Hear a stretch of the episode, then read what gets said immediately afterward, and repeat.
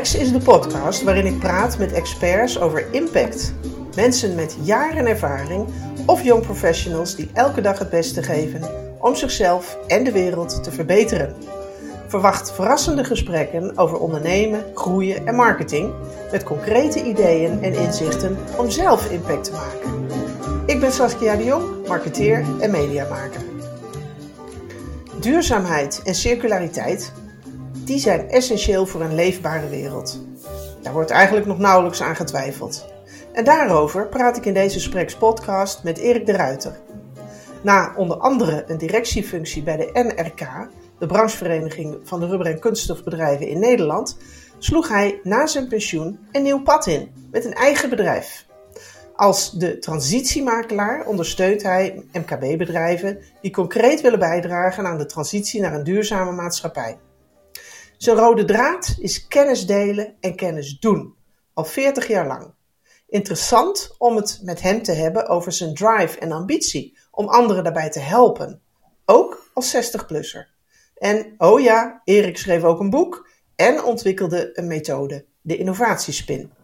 Dus na een werkend leven bij een werkgever stopt het niet, integendeel.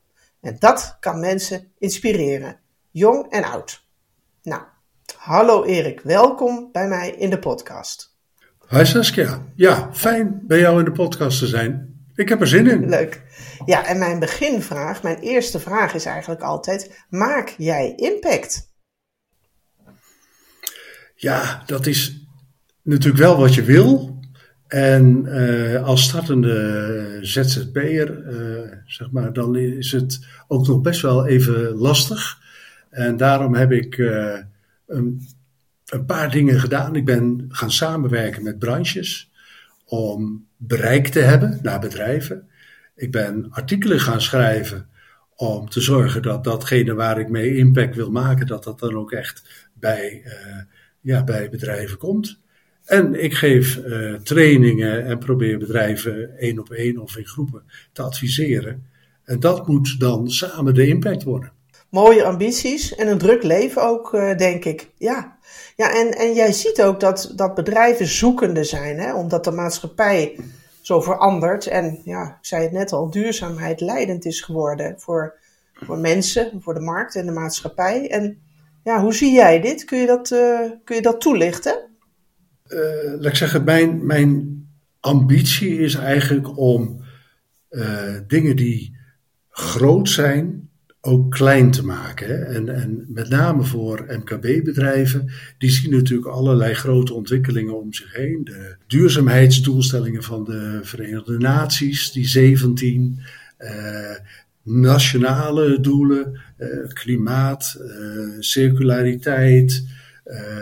We hebben op het ogenblik al een hele tijd eigenlijk een hele krappe arbeidsmarkt. Mensen moeten ook heel veel veranderingen meemaken. En al die dingen samen eigenlijk heb ik geprobeerd in een, in een heel praktisch uh, tool te vertalen. En dat is dan uh, de innovatiespin. En, en daarin breng ik eigenlijk uh, ja, elementen die van belang zijn voor een bedrijf, namelijk de, de commerciële business, uh, de, wat dan tegenwoordig ja, de vierde generatie eigenlijk heet van industriële ja, vernieuwing. Ja.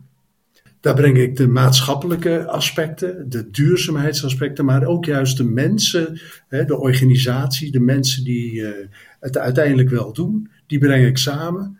En, en op die manier kan je eigenlijk duurzaamheid uh, sociaal beleid van, en, binding aan bedrijf, van je mensen aan je bedrijf. Uh, de maatschappelijke waardering van je bedrijf en voor je producten ook, kun je combineren.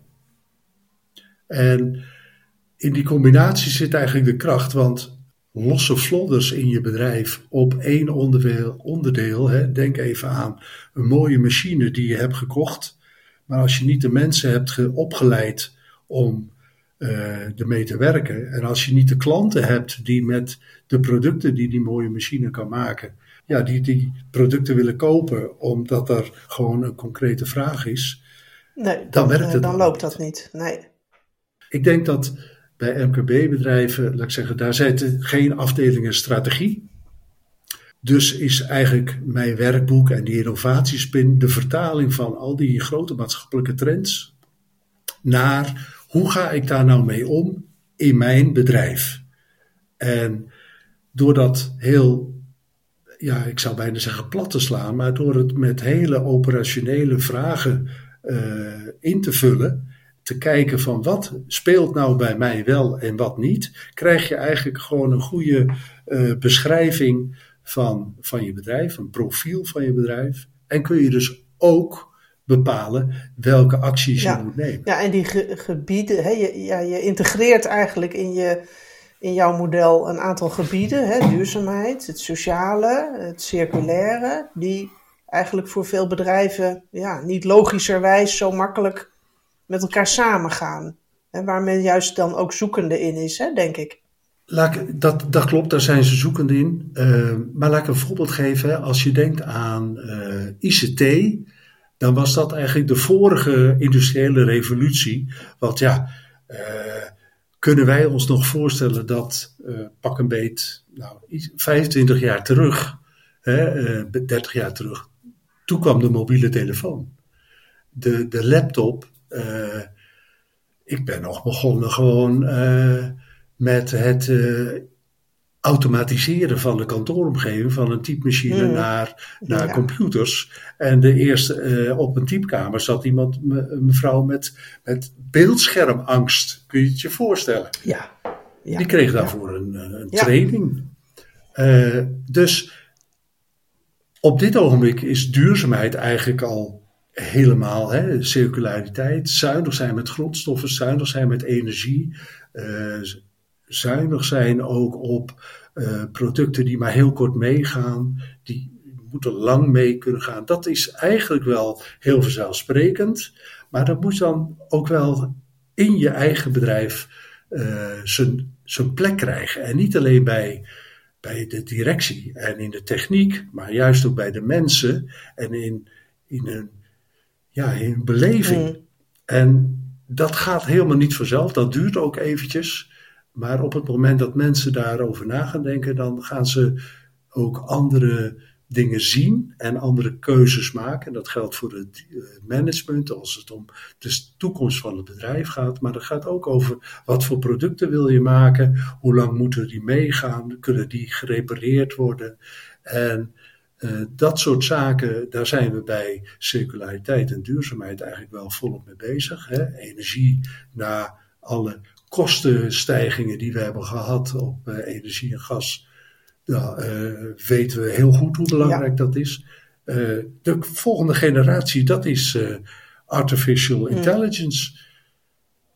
En daar zullen we ook weer aan moeten wennen. Veranderingen zijn enorm ja, snel op het ogenblik. En we hebben af en toe een beetje moeite om daar in mee te gaan. En merk jij dat bedrijven daarvoor openstaan? om deze, ja, deze stappen te zetten? Ik denk het wel, maar het, het, het grote probleem, denk ik, is dat je kan er wel voor openstaan, maar je moet ook weten hoe je dat dan aanpakt en je, waar je begint. Ja. En mijn ervaring is eigenlijk dat de afgelopen, ja, van de afgelopen jaren dat er dat veel bedrijven wel uh, willen beginnen, maar ja, je moet niet zomaar beginnen. Je moet eigenlijk wel eerst een beetje een plan hebben. Want als je zomaar begint, dan heb je heel grote kans dat je halverwege strandt, omdat, nou ja, uh, het niet meer klopt. niet goed doordacht. Of je vastloopt. Niet goed doordacht. Dus je moet wel een beetje een samenhangend plan hebben. En dat is precies wat ik probeer met die innovatiespin ook. Je moet uh, een project doen dat bij jouw bedrijf past, dat bij je klanten past, waar je mensen ook uh, in meeneemt, zodat ze het kunnen waarmaken. Laat ik een heel, heel praktisch voorbeeld geven in de, in de kunststofindustrie. Als ik een bedrijf ben wat heel veel producten in voedselcontact maakt, maakt hè, of dat nou een verpakking is of andere uh, materialen of producten, dan, dan kan ik met heel veel uh, recyclaat willen werken, dus uh, gebruikt materiaal willen inzetten. Maar de wetgeving staat dat nog helemaal niet toe. Dus dan zou het technisch toch wel kunnen. Maar als de wetgeving het niet toestaat, dan is dat eigenlijk niet het eerste waar je aan moet denken. Dan moet je veel meer denken aan, laat ik zorgen dat producten die ik maak lang mee kunnen gaan. Dat ze uh, energiezuinig zijn. Dat uh, het product wat ik bescherm, uh, dat dat heel goed ja, blijft werken. Dat dat lang geconsumeerd kan worden. Ja, dus daar moet je een visie als ondernemer, als bedrijf, moet je daar een visie in ontwikkelen. Hè? En dus niet inderdaad maar zo met iets aan de slag gaan, omdat er misschien een regelgeving aan zit te komen of je daar nu al aan moet voldoen. Klopt. Um, als, je, als je zeg maar, als je moet reageren op wetgeving die er aankomt, uh, en dan uh, dat heel snel moet doen, omdat je anders uh, boetes krijgt of problemen krijgt met je klanten en dergelijke, dan ben je eigenlijk wat te ja. laat begonnen. het is fijner om het probleem voor te zijn. En hè, bijvoorbeeld nu, als je denkt aan de duurzaamheidsrapportage, de Sustainable Development Goals, die worden vertaald in Europa nu naar MVO-rapportages voor ja. bedrijven. En grote bedrijven moeten dat als eerste doen, vanaf volgend jaar eigenlijk. En dat betekent dus dat ze rapporteren volgend jaar over dit jaar, 2024. Nou, dan kan je een MKB-bedrijf zijn en zeggen: ja, daar heb ik nog niks mee te maken. Maar uh, dat is natuurlijk niet waar, want als jouw klant moet rapporteren en je levert, nou, dan, dan zal jij dus ook als ondernemer, MKB-ondernemer, informatie moeten leveren aan je klant. Want die heeft dat nodig. Maar goed, aan de andere kant, ja, veranderen is niet verkeerd. Hè? Veranderen kan goed zijn en geeft ook de kans om te verbeteren. Veranderen is, uh, zeggen, mensen vinden dat best wel lastig. Hè? Uh, op het moment dat iets loopt, hè, we hebben niet voor niks zo'n uitspraak als uh, never change the winning team. ja, maar wanneer uh, blijf je nou een winning team als je wel op tijd, hè, denk maar eventjes in sport, hè, eh, op een gegeven moment heb je prachtige spelers in je team, maar die worden ook wel wat ouder en dan moeten er weer jongeren zijn om, om hen op te volgen. Dus verandering hoort juist wel bij een winning team. Ja, ja. Ook als bedrijf. En dat betekent met name dat je nou ja, in je productassortiment dat natuurlijk goed moet bijhouden. Daar kennen we allemaal de verhalen van de cashcow.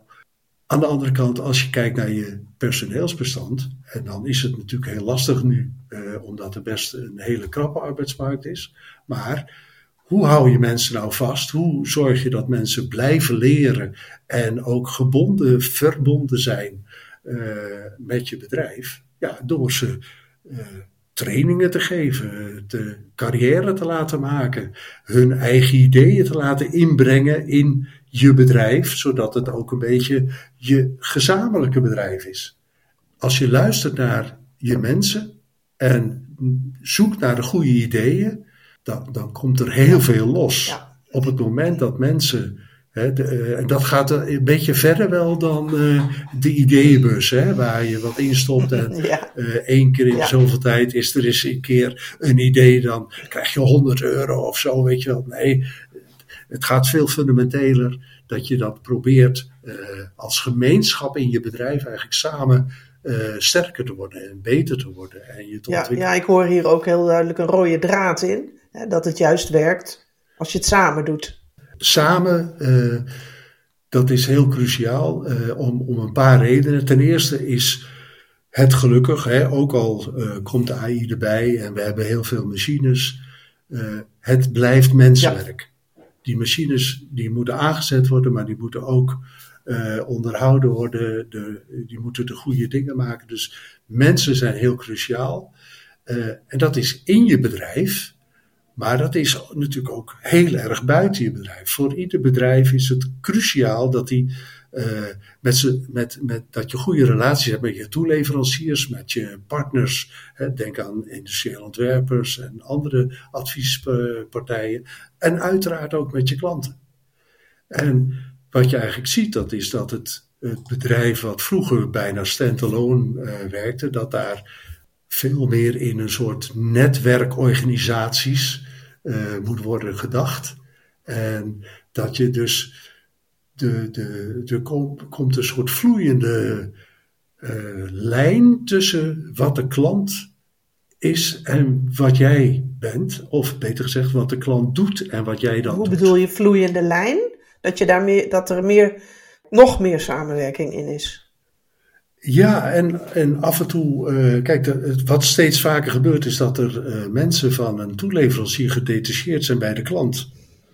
Om daar mee te werken aan uh, bijvoorbeeld productontwikkeling. Zodat niet alleen het product vanuit de marketing en uit de sales en uit de klantwensen, de gebruikersbehoeften, goed ontwikkeld wordt. Maar dat het ook meteen in de technische productiekant ontwikkeld wordt. Innovatie speelt daarbij ook een hele grote rol. Innovatie uh, is, is, denk ik, in uh, de maakindustrie in Nederland zeker, is, is cruciaal. Um, en er is een hele makkelijke reden voor. Namelijk alle hele grote productieseries. Die zijn eigenlijk naar lage kostenlanden, China en Verre Oosten, uh, overgezet we hebben wel wat uh, terug uh, naar hè, reshoring, zoals ze dat dan Ja, weer terughalen. Uh, hè? Naar, naar Europa, naar Nederland. Maar het betekent eigenlijk dat in Nederland veel meer de kleinere series, de customized, de, de, de maatwerkproducten worden gemaakt. en die heel gespeci gespecialiseerd zijn. En dat betekent dat er steeds nauwer contact komt tussen de klant en het productiebedrijf en ook weer de leveranciers daarvan. Um, en dat je heel nauw moet samenwerken, want anders dan, dan duurt het te lang of het kost te veel geld om. He, je gaat fouten maken als je dat niet goed met elkaar afstemt. En daarvoor is het dan best wel van belang om ook, uh, laat ik zeggen, als je een technologisch uh, leidend bedrijf bent, dan heb je een hele ander profiel dan dat je op kosten concurreert.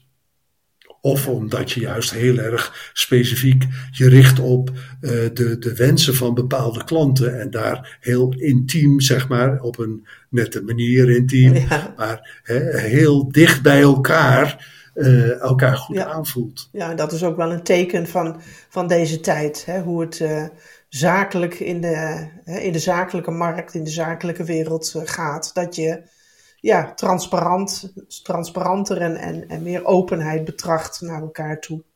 Ja, openheid, dat, laat ik zeggen, dat heeft ook een, een risico. Zeker. Um, ja. Want de basis voor die openheid is natuurlijk dat je elkaar kunt vertrouwen. Ja, eens. Uh, alle fabrikanten hebben wel eens meegemaakt dat ze heel veel ontwerpkosten hadden gemaakt voor een klant. Uh, en dan was het product eigenlijk uh, nou, ongeveer klaar voor productie. En, en dan zei de klant van ja, maar ik ga toch ook nog even bij een andere een prijs ja, vragen. Ja, ja. Ja, en in zo'n setting, hè, als je zelf je ontwikkelkosten eigenlijk in je prijs hebt gecalculeerd, want zo, dat is natuurlijk logisch, je bent niet voor niks aan het uh, designen en ontwikkelen, dan, dan ben je altijd wat duurder dan uh, de partij die die kosten niet heeft gehad. Dus het gaat ook wel heel erg over mm. vertrouwen. En wat dat betreft denk ik dat uh, nou ja, daar, daar hebben we in Nederland eigenlijk heel goed uh, een basis voor. Want ik denk dat juist in het uh, Nederland-polderland. Uh, nou ja, dat, dat veronderstelt wel dat je elkaar ook een beetje kent. En dat je weet hoe de ander in elkaar zit en denkt en ook beslist. Ja.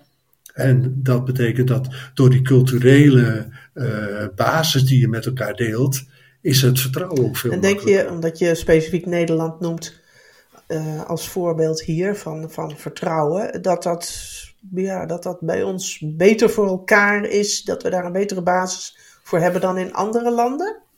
Nou, ik denk dat dat, dat Nederlandse poldermodel ook, zeg maar in zakelijke zin, hoort dat heel erg bij het Rijnlandse model. En dat is dus best wel breder Europees. Hè. Dat is Duits, uh, een stuk van België nog wel, ja, Scandinavië. Ja. Maar het Anglo-Saxische model van Engeland, Amerika, ja, dat is veel, veel meer korte termijn, maar ook veel. Uh, elkaar harder afrekenend meteen. Hè, uh, dat is het verhaal van overtreding, gele kaart, ja. rode kaart. En dat zie je ook wel een beetje doorcijpelen naar, naar, in dat Rijnlandse model. Maar daar is toch een veel langere termijn strategie en samenwerking. En het mag je, ja, weet je, als je geen fouten meer mag maken, ja, dan zijn relaties toch heel erg kort. Ja, dus in die zin, uh, ja, een, een, eh, op een goede manier uh, zijn wij daar in Nederland zeker mee bezig. En, en ook hè, passend in de tijdgeest.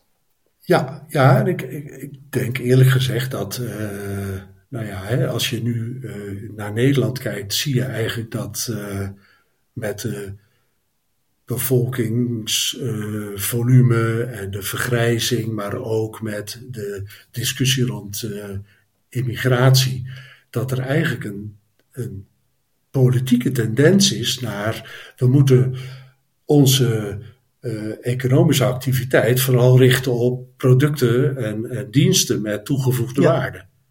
Nou ja, en dan zit je in de maakindustrie natuurlijk juist heel goed. En uh, dan, ja, uh, dat zijn ook wel keuzes die eraan komen en die geven eigenlijk perspectief ook aan, aan MKB-bedrijven. Want uh, dat is ook wel heel.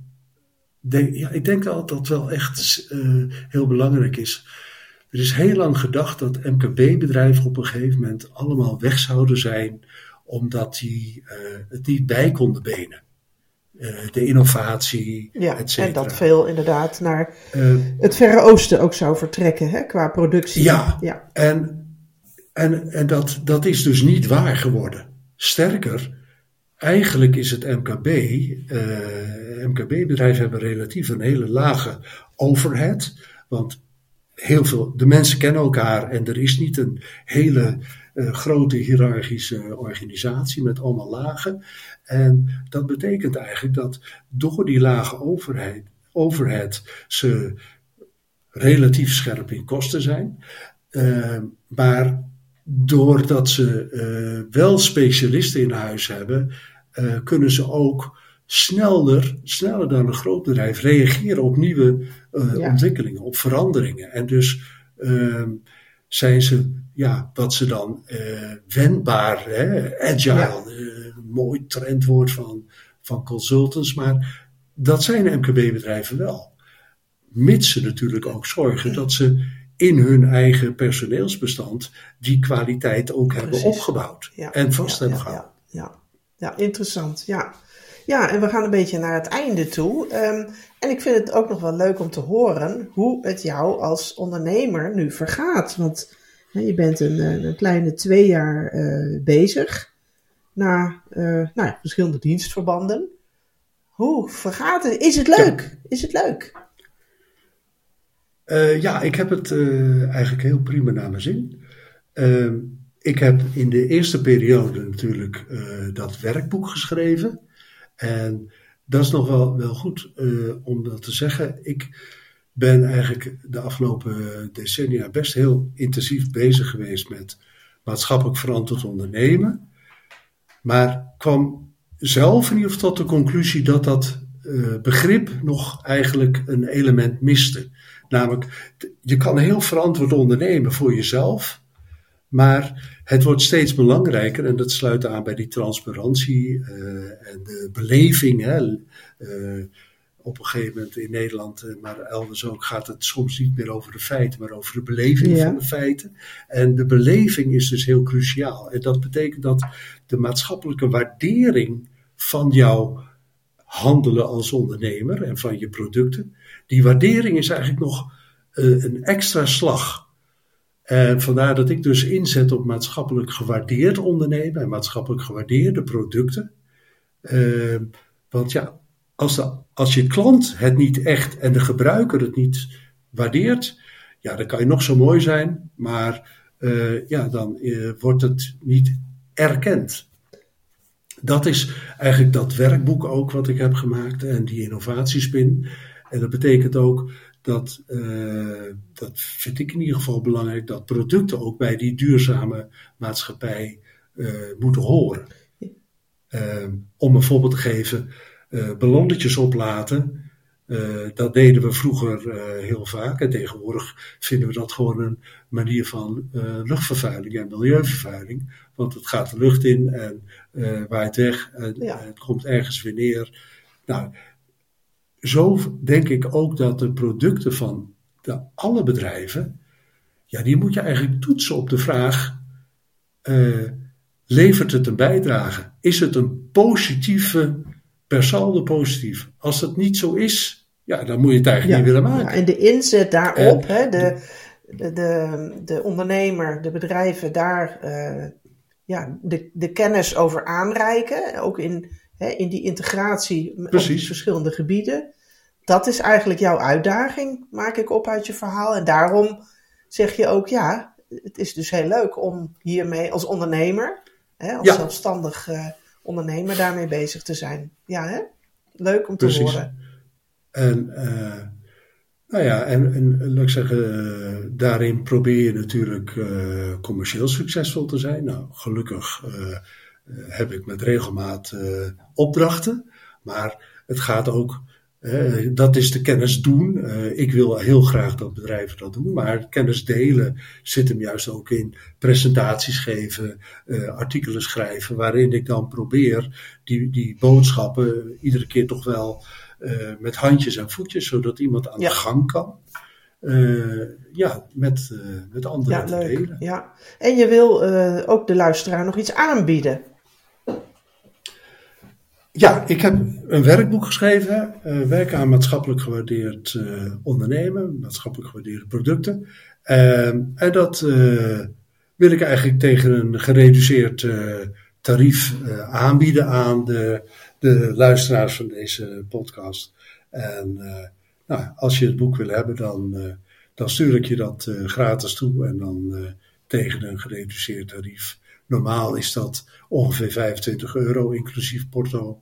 Uh, dat doe ik dan nu voor 20. Nou, dat is hartstikke, uh, hartstikke leuk. Ja, en uh, wie weet hoeveel meer mensen je dan daarmee ook nog kan, kan bereiken. dus geen 25, maar 20 euro. En waar moeten ze zich melden? Dat kan heel eenvoudig met een mailtje naar erik.detransitiemakelaar.com. Nou, helemaal helder. Ja. Nou, Erik, wij kunnen natuurlijk nog uren doorpraten over dit onderwerp, maar eh, de tijd eh, van de Spreks podcast is enigszins beperkt. En ik denk dat we wel heel mooi afgerond uh, de, ja, de luisteraar een boek kennis en inspiratie hebben kunnen meegeven. Zo. Dus ik wil je heel erg danken voor je bijdrage en heel veel succes als de transitiemakelaar. Dankjewel. Ik vond het leuk om mee te doen en ja, op naar een duurzame maatschappij. Hoe wordt en blijf je een winning team? Door te veranderen en te verbeteren. En dat is een constante, vertelde Erik de Ruiter. En wat was dit een interessant gesprek. En doordat hij in zijn 40-jarige carrière honderdduizenden vlieguren maakte, weet hij als geen ander dat bedrijven daar best voor openstaan te veranderen en te verbeteren, maar dat men vaak niet goed weet hoe je dat aanpakt. Nou, zijn jarenlange ervaring combineerde hij met de kennis van nu tot een eigen model dat de MKB-bedrijven helpt keuzes te maken die concreet perspectief bieden, juist op de lange termijn. Want je moet een plan hebben, anders loop je kans halverwege te stranden, vertelde hij. En de tendens vandaag is dat we onze economische activiteit richten op producten en diensten met toegevoegde waarde. Met een klant en gebruiker die dat erkennen en beleven betoogde Erik. Dat is werken aan maatschappelijk gewaardeerd ondernemen. En dat doe je samen in alle geledingen van het bedrijf. Superleuk dat je weer luisterde naar deze podcast. Dankjewel. Wil je geen aflevering van Spreks missen? Abonneer je er dan op, dan krijg je automatisch bericht als ik een nieuwe aflevering heb gemaakt. Je beluistert Spreks op Spotify en bij Apple en Google en spreekt de podcast je aan Geef me dan een review via je podcast app, dan kan ik nog meer luisteraars bereiken. Graag tot de volgende aflevering.